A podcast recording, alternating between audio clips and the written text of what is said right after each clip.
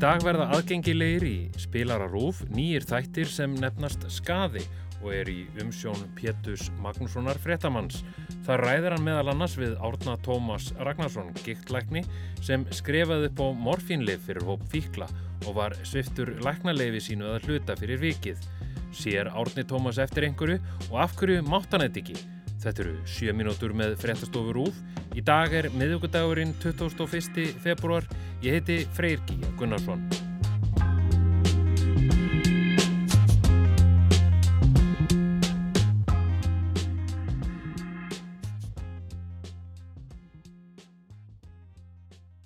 Ef við byrjum bara á byrjunni, Pétur, hvað kemur til að þú ferða að skoða þetta, þetta mál? Ég hef verið að fjalla um þennan málaflokk í nokkuð tíma. Það var mikla breytingar sem hefur orðið á, á vímuöfna markaðnum í Íslandi með tilkomið til þessara ópíóða lifja aukinni nótkun þeirra en líka með aukinni áherslu á þessar skadamingun sem hefur orðið mjög áberandi. Eh, þannig ég hefði byggt mér upp svona smá tengslanett eh, fólks sem vinnur innan þessa sviðs sem í rauninu bara virkaðist alltaf sama tíma þannig í desember. Það fekk símtöl frá heilbjörnstjónustu innan félags, félagslega kerfisins og, og, og, og bara mjög víða þar sem fólk lísti yfir miklum áhyggjum yfir ákvörun landlæknis að hafa svift árnatómis þessu ávísuna leifi. Hópur fólks með alvarlegan fíknivanda upplýði sig úrræðalausan eftir að starfsleifi læknis sem veitti þeim meðferð var takmarkað. Sviðstjóri hjá landsbytala segir að afleðingar... Og það óttist að sérstaklega áhrif þess sem það myndi hafa á þennan hóp sem hann þjónustæði. Og hvað er þetta stór hópur sem var þarna hjá uh, Árna? Undir lokin voru þetta svona um 50 til 60 manns og þetta, eru, þetta er sá hópur sem er í hvað svona, svona mestri og óreiðu kendastri nistlu uh, á Íslandi. Þú ræðir við Árna Tómas í, í þáttunum og, og það er svolítið eftirminnilegt þegar að hann segist ekki vera einhver skurkur. Ég er einhver mjög ljótan hluti sem ég veit að ég er ekki að gera. Þannig að ég er ekki neitt skurkur. Af hverju fór hann að skrifa út lif uh, fyrir fíkla sem að leituði til hans? Árni Tómas er svona læknir af gamla skólunum. Hann er 74 ára gammal og, og hann hefur mikla trú á þessari aðferð um að bara svona setjast niður með sjúklingum og bara svona ræða málinu og bara finna leið. Uh, hann, hann kynist eitthvað tíman uh, sko, starfsemi frú Ragnhildar sem er verkefni vegum Rauðakrossin sem, sem veitir nálaskipti þjónustu og svona láþröskuldar heilbyrjustjónustu fyrir einstaklingar sem nota výmöfni í æð.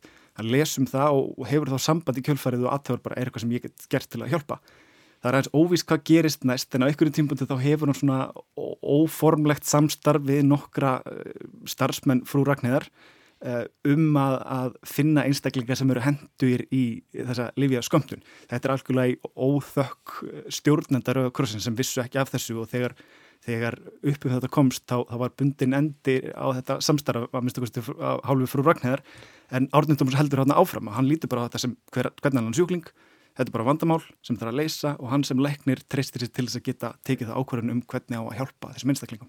Og þetta morfin sem þeir hafa verið að nota er keift hérna út á götu og það er oft blandað uh, mjög eitruðum efnum sem er miklu eitrari heldur morfin eins og fentanil. Hann getur ekki lengur skrifað út þessi, þessi morfinlif sem eru óbúslega ávanabindandi. Sér hann eftir einhverju?